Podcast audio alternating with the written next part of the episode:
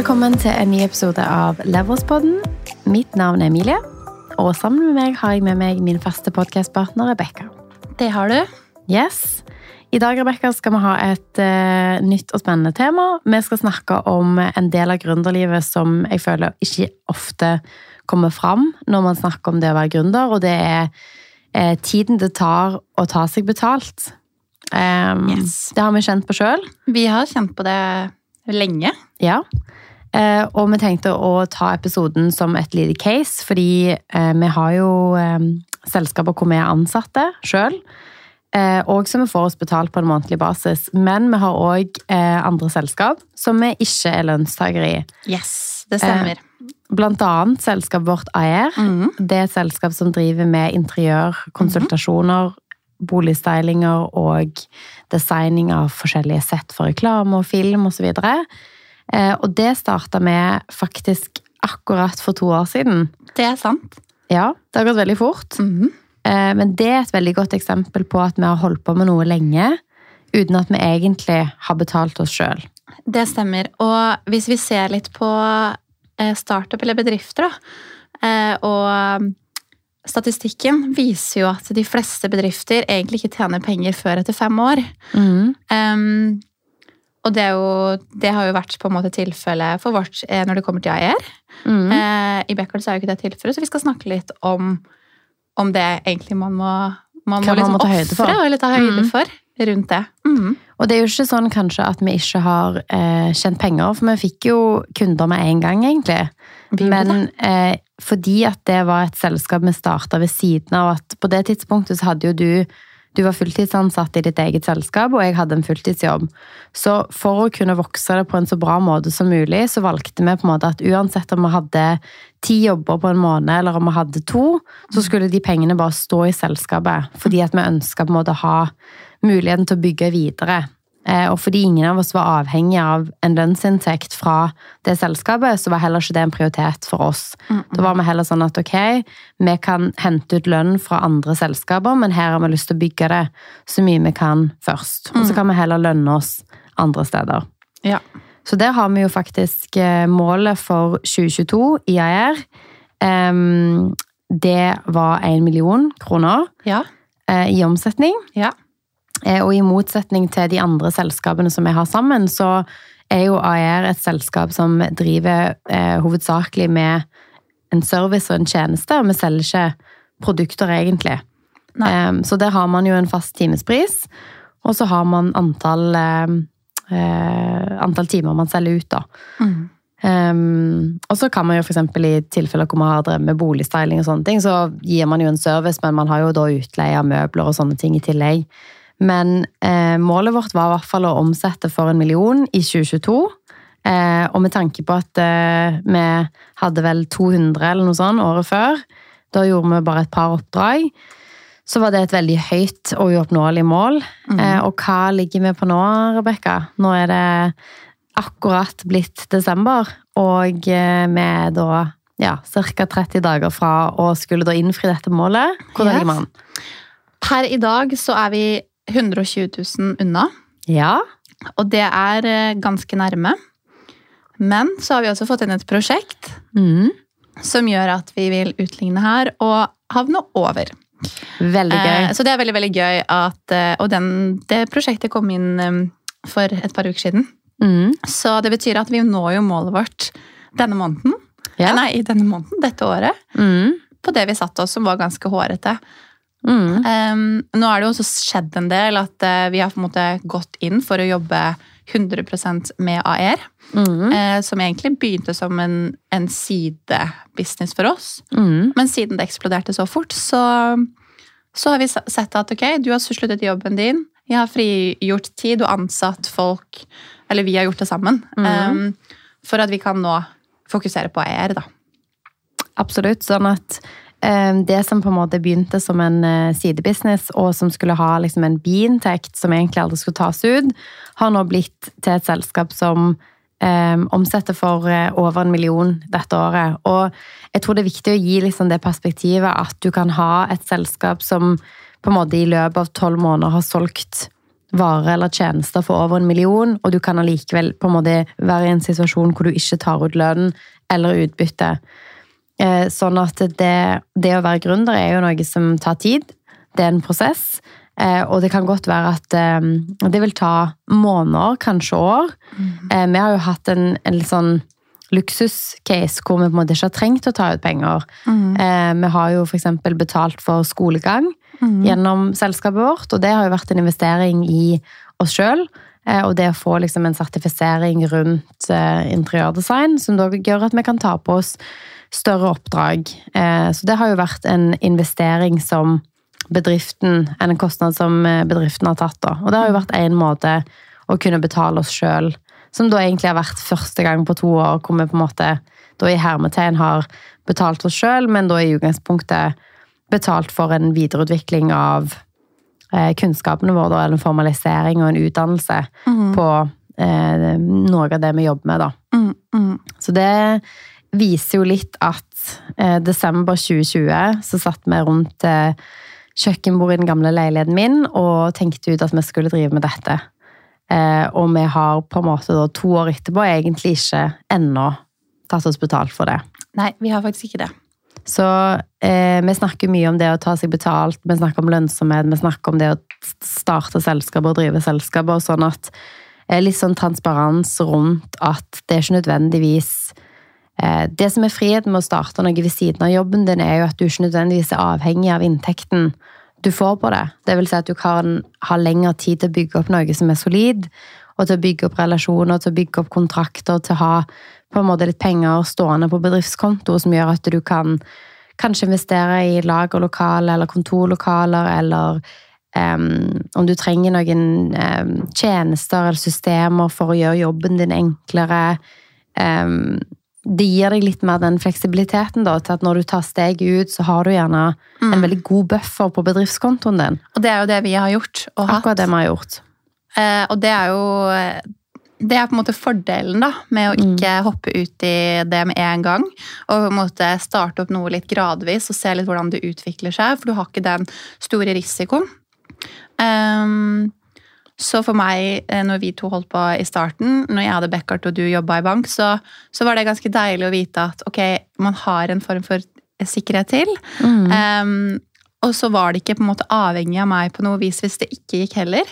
Mm. Uh, vi tok jo noen risiko i starten ved å, å f.eks. måtte ha møbel, møbelinnkjøp til uh, ja, 20 000 her, 50 000 her. Og det brukte vi jo privat. Altså det brukte vi privat, men da, ja. da, hadde vi også regnet på at ok, vi går i null i neste jobb, men vi trenger å bygge oss opp. Så da var det sånn ok, neste jobb tjener vi 30 000 på, så da brukte vi 30 000 faktisk på å kjøpe inventar. Mm. Eh, så vi fikk jo ikke igjen for det, men vi ser jo at det har jo lønt oss nå i lang tid etterpå. At vi kan bruke disse møblene, og vi kan Ja. Eh, I flere settinger, da. Så så, mm, så det var jo en kostnad litt sånn i starten at vi vi gikk inn med eh, Nå har vi jo mye på det varelageret som vi har, og vi har masse møbler og nok til å gjøre flere stylinger på en gang. Eh, sånn at det var jo en kostnad som vi hadde eh, til å starte med, men, eh, og ikke nødvendigvis noe som vi har tatt ut noe lønn for. Men vi har jo hele tiden tenkt at vi har lyst til å ha flere økonomiske bein å stå på.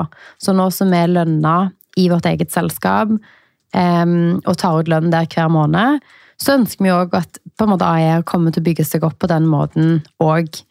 Um, men det som på en måte kanskje er viktig for oss å formidle, er jo akkurat det at det tar, det tar tid, og det er en prosess. Mm. Og det kan godt være at du gjerne ikke får på en måte plukket frukten, eller høsta frukten, skal du si, av det du liksom nødvendigvis tenker at du kommer til å få til så raskt som du tror, da. Så derfor er, derfor er, jeg i hvert fall veldig en forkjemper av denne sidejobben ved siden av jobben din, fordi at du ikke blir så avhengig av um, at du på en måte skal ha At det skal gi en lønn med en gang, da, eller et utbytte, eller hva enn man på en måte da, ser etter. Ja, og da er man på en måte også litt fri til å, å føle det litt ut, om man liker det, og, og, hvor lenge man på en måte orker å stå i det. Jeg tror det kom til et punkt for både deg og meg da, da det ble så mye jobb Eh, at det gikk på, på en måte bekostning av, eh, av andre ting. Okay, av betalt vi, arbeid, på en måte. av betalt ja. arbeid. Um, for det tok så mye tid. Det vokste så fort.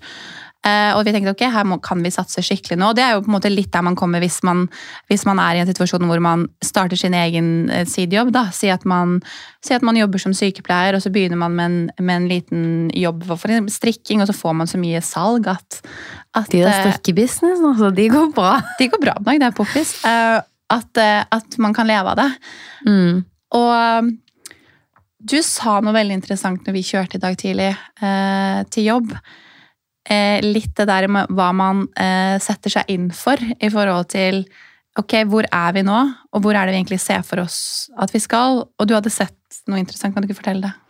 Altså, jeg får veldig sånn der Min for you-page på TikTok er veldig sånn eh, blanda. Jeg har veldig mye forskjellige sånne ting som jeg får opp, men noe av det handler jo om folk som driver egne bedrifter.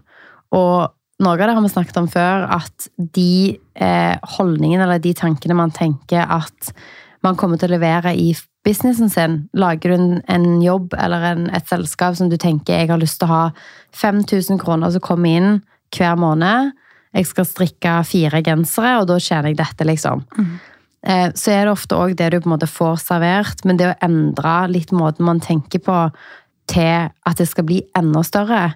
At man liksom ikke skal liksom se etter ok, jeg har lyst til å ha jeg har lyst til at sideinntekten min skal være tilsvarende lønnen min. For det tenkte i hvert fall jeg i begynnelsen. Ja. At jeg var litt sånn ok, nå lager vi AER, eh, som er et AS, eh, hvor vi er eiere.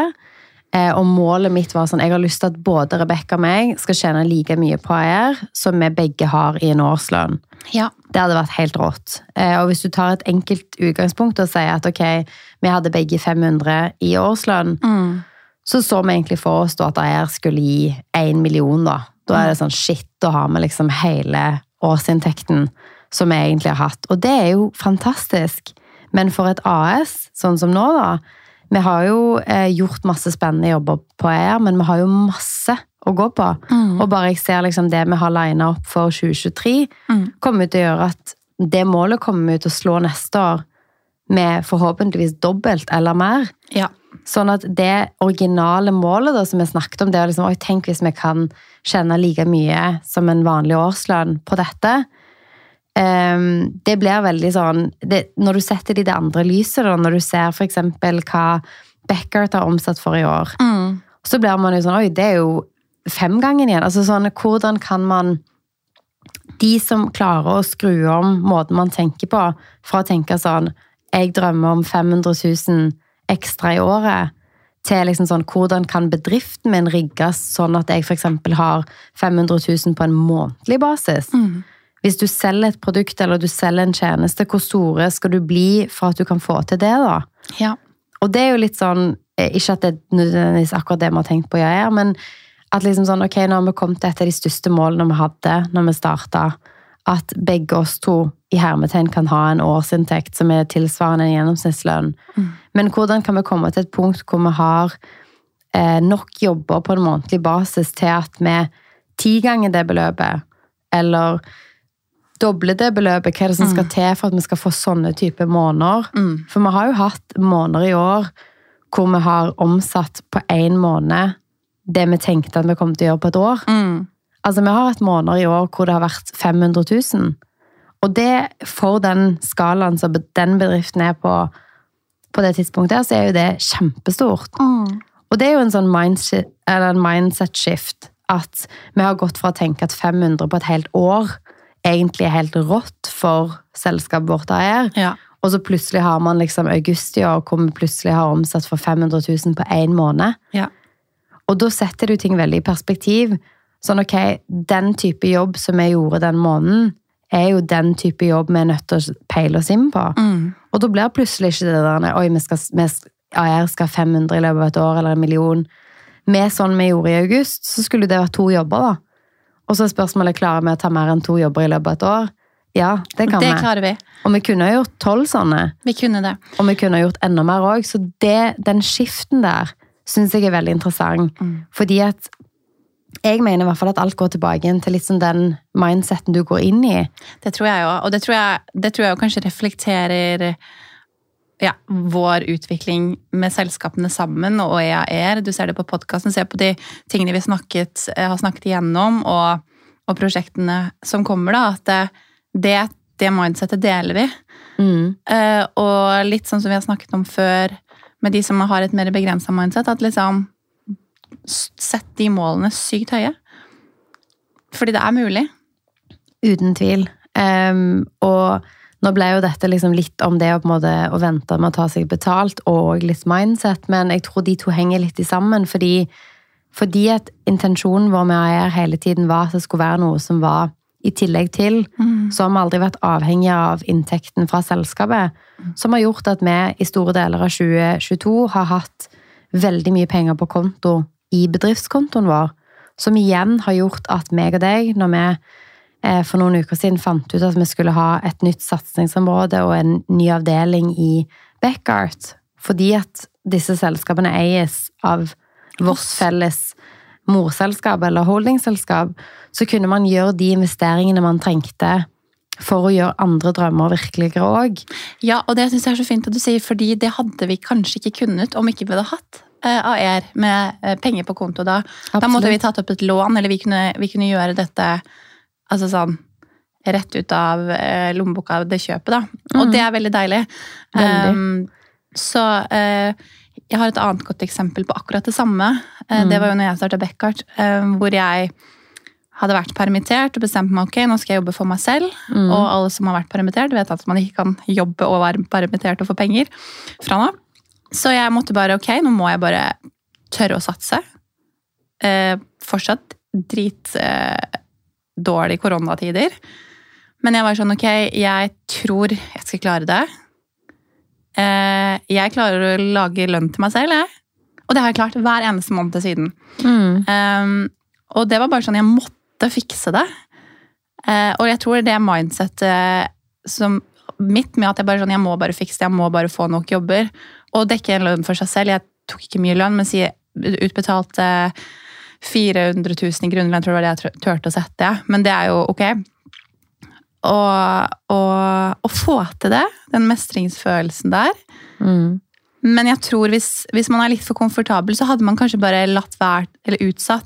Og det er litt sånn som vi er i posisjonen med Aere nå, at den kan jo fortsatt bare stå, vi trenger jo ikke action på alle disse tingene. Men nå vil vi liksom satse på det og gå inn i det og, og skalere det, da. Med økning, med ansatte, med fastlønner. Og ja. Altså, det, jeg synes at måte, alt henger litt i sammen, akkurat sånn som du satser på deg sjøl der, og du måtte tørre å ta ut steget og liksom være sånn ok, men klarer jeg å få til en årslønn? Ja, det gjør jeg. Og når du så at det gikk fint, så liksom kunne du ha vært komfortabel med det og sagt at jeg har tatt én risiko, nå er jeg ferdig, nå vet jeg at jeg kan betale meg sjøl lønn. Men du har jo fortsatt å tatt den samme risikoen hver gang du har gjort noe. Du har liksom vært sånn Har vi råd til å ha lager? Ja. Har vi råd til å ha en ansatt til? Ja. Har vi råd til å ha en til? Altså sånn Du har liksom kontinuerlig tatt den samme høye risikoen igjen og igjen. Og det er jo liksom akkurat det vi snakker om med å på en måte trene opp muskelen din for eh, risiko. Mm. Fordi at det er jo de type Enten om det er at du går skikkelig ut og du skal ansette alle disse tingene som du har vært igjennom de siste årene, men òg det med å em, ha fleksibiliteten. Fordi at det at vi har hatt mye penger på konto og ikke tatt ut lønn i AR, har jo, kan man jo si, er litt sånn risikoavers. At vi har ikke brukt noe penger der. Pengene har stått på bok. Men vi har jo hatt en intensjon om at ja, nå har vi mye penger som står der. Men det har jo gjort at vi kan ta oss eh, utdannelse begge to, Mm. som er en kjempeinvestering. Eh, og som allerede har lønt seg veldig. Veldig. Eh, Så det var jo en god investering. Og på den andre siden så har det gjort at vi har hatt kapital til å starte det vi akkurat har lansert. Da var det høye lagerkostnader, høye inventarkostnader, og det kunne vi ta med en gang uten å enten hente inn andre altså partnere eller å låne penger. Ja. Og det ble jo da en kjempegod investering at de pengene sto. Og det kunne de jo aldri gjort hvis vi begge var avhengige av sånn «oh shit, vi må ta ut lønn fra det selskapet hver måned for at ting skal gå rundt. Så det er liksom det å se ting litt i sammenheng at eh, Og det er derfor jeg kommer til å aldri slutte å snakke om sideinntekter. Fordi at det gir deg en økonomisk frihet langsiktig, fordi at du har mer inntektskilder. Men det gjør òg at du på en måte kan frigjøre tid til å bygge ting ordentlig òg. At du er ikke hele tiden avhengig av å ta ut penger. Absolutt. Og så tror jeg eh, Nå driver jo vi flere ting sammen, men jeg syns det er fint eh, å, å føle litt på at du ser penger på konto, Mm. og vet at du har jobba for det, og du ser den summen. Og det er litt forskjellig når, du, når vi jobber i en bedrift som går sånn daglig, som eh, Beckard føler jeg er som bread and butter. Det, er, eh, det kommer og går, og er, plutselig er det mye penger, og så er det lite penger, penger men på AIR så har det på en måte vokst. Og det er også en sånn Ok, kult, altså, vi har fått til det. Og det er litt sånn eh, motiverende faktor, og så vet du at det, hvis det skjer noe, så kan du lene deg litt tilbake på det. Mm. Det som også er fint, igjen da, vi har snakket om AS og enkeltmannsforetak tidligere, er at du er på en måte ikke påvirket av om noe skulle skje med selskapene, så går det greit. Du kan ta risiko uten at det går over deg utover deg personlig. Mm. Og det har vi også snakket om i andre episoder, Mm. eh, hvor, hvor ja, det, det har vært fint og viktig å vite, da. I hvert fall når man jobber som oss og tar litt risiko. Og så tror jeg også det er veldig fint for oss at vi har klart nå å skille mellom personlig økonomi og bedriftsøkonomi. fordi i starten så var det sånn ja, du hadde 50 000 i utlegg, og jeg hadde 50 000 i utlegg, og så, og så hadde man ikke helt kontroll, men det har vi fått veldig god hjelp til å ha, få kontroll på nå, da. Ja, og så var det jo for at vi ikke hadde noe. Altså, Vi hadde jo ikke noen midler på bedriftskonto, så det var jo vår på en måte, kan du si, hermetegn egenkapital. Vi gikk jo inn og skjøt inn penger for å bygge oss opp. Men hele denne liksom sånn reisen her er jo litt for å illustrere at noen ganger så er ting så gjør den på en måte kanskje at man ikke nødvendigvis tar ut penger med en gang, og at man har den økonomiske stabiliteten til at et sideprosjekt ikke er lønnsinntekten din kan gjøre at du får veldig mange muligheter på andre siden, og at du bygger gjerne en bedrift som er mer klar for at du f.eks. sier opp jobben din, da. Fordi at hvis du gjør eh, sidejobber for 20 000 hver måned i et helt år, så har du liksom 240 000 hvis du da bestemmer deg for å si opp jobben din året etter på bedriftskonto. Absolutt. Som gjør at du med en gang plutselig har en buffer. Da kan du gå mange måneder uten en jobb og betale deg en OK lønn. Eller du kan investere de pengene i å utvide bedriften sitt omfang, eller få deg et lager, eller betale Utdannelse. kontorleie osv. Vi skal jo også eh, nå ta ut et lite, ikke utbytte, eh, men vi skal på en liten tur. Ja. Som jeg føler er litt vår belønning til oss selv. Vi skal jo jobbe, Mm. men at vi er på det punktet nå hvor vi i AR kan ja, flytte oss ut av Oslo for å jobbe, for å hente inspirasjon, eh, for å planlegge det neste året. Og jeg føler at det, det er også på en måte en form å ta seg betalt i. Da. Vi, vi har alltid drømt om å, å kunne mm, flytte arbeidsplassen vår dit vi vil. Så på fredag reiser vi til Karibia. Mm. Det Eh, gjør vi. og jeg syns det er viktig å si, fordi det er noe du og jeg har drømt om lenge og tenkt på at å, så gøy vi kan sitte på en tropisk strand og drikke paraplydrinker og, og kose oss fordi vi har jobba hardt for å fortjene det. Og jeg tror at eh, det vil, eh, det vil gi oss sykt mye motivasjon, og så vil vi komme tilbake med dritgod strategi.